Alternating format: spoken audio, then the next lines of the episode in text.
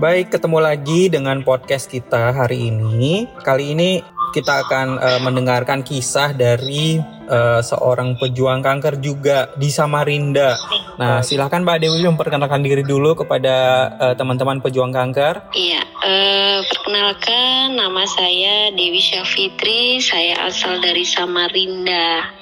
Dan terima kasih loh ya sudah apa uh, diizinkan saya berbagi dengan pengalaman saya di mana saya difonis cancer pada uh, uh, tahun kemarin. Tepatnya sudah satu tahun ini. Jadi bulan bulan Desember. Bulan Desember tahun 2019 baru pengangkatan itu Maret Maret 2020 Oke, okay, uh, kemarin itu uh, bulan Desember sebenarnya saya tuh kan waktu itu sebelum ketahuan kalau ada benjolan saya sempat program punya anak ya. Program punya anak itu bulan Oktober kalau tidak salah uh, Oktober tuh uh, otomatis kan kalau sudah kalau program punya anak uh, kita manut lah ya apa yang dibicarakan dokter apa yang disuruh dokter minum ini minum ini. Jadi kami manut. Nah terus uh, sudah tiga bulan kami merasa capek jauh juga perjalanannya kita berhenti aja. Berhenti di bulan Oktober November. Nah Desember di puncaknya itu pas Natal tiba-tiba kok uh, payudara saya yang sebelah kiri kok lain gitu. Lain kok keras sebelah terus uh, maaf uh, putihnya itu masuk ke dalam. Nah pada waktu itu ya saya uh, hanya positif tinggi aja. Uh, tidak ada apa-apa tidak ada apa-apa gitu aja. Nah begitu di uh, saya periksa di bulan Januari di biopsi uh, dokter bilang sih hanya jinak saja. Nah pada saat itu oke okay, saya diangkat aja. Uh, yang terbaik lah dok yang penting uh, ini apa uh, sembuh lah saya maunya sembuh oke okay. nah pada saat Januari dioperasi uh, sekalinya saya terjadi pendarahan di situ uh, pendarahan uh, waktu itu tensi saya tekanan saya sampai 40 60 terus uh, harus transfusi darah tubuh saya di daerah uh, payudara yang sebelah kiri sampai ke perut itu hitam. Hmm. Uh, terus uh, ya saya sudah melewati masa kritis. Pada waktu itu hasil darah hasil hasil operasi hasil apa uh, patologinya belum keluar.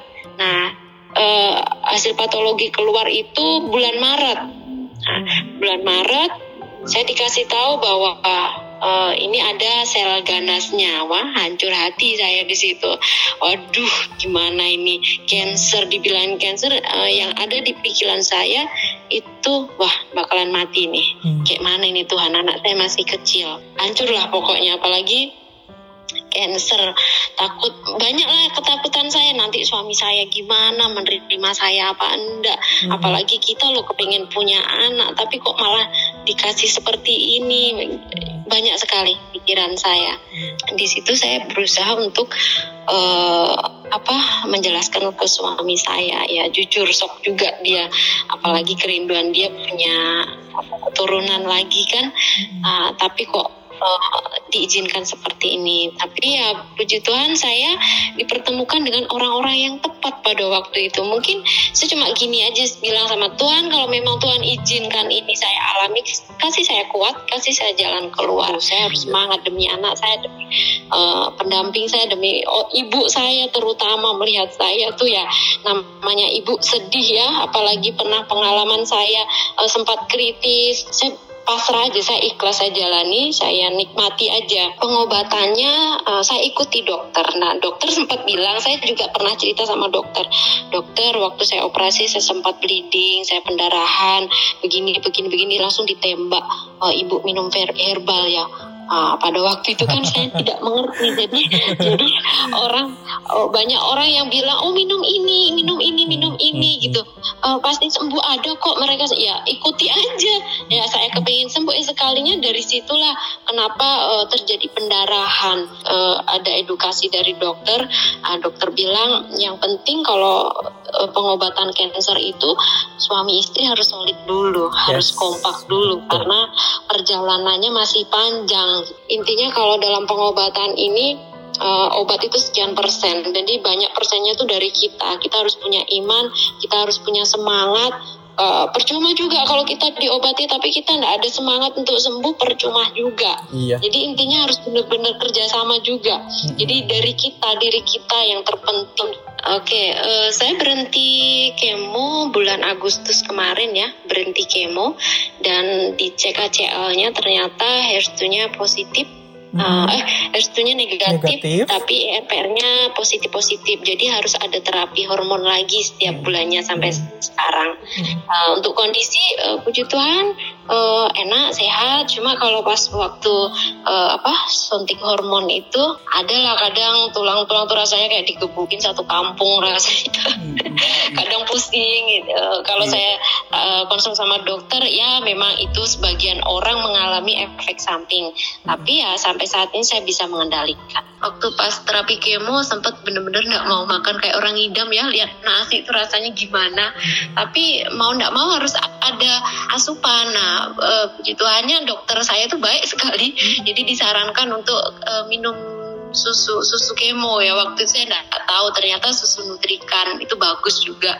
Nah sampai sekarang uh, dokter juga menyarankan uh, apa uh, susu ya bu ya kalau bisa susu yang tinggi proteinnya ya untuk harapan ya pasti kita punya harapan ke depan ya selalu berharap kepada Tuhan lah.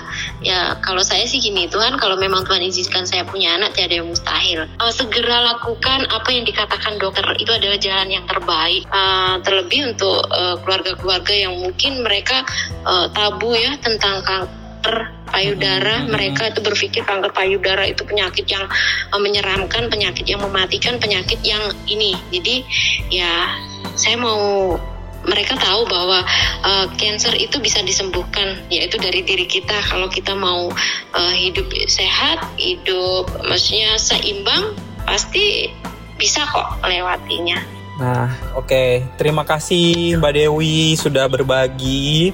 Semoga menjadi, bisa menjadi inspirasi ya cerita kita hari ini.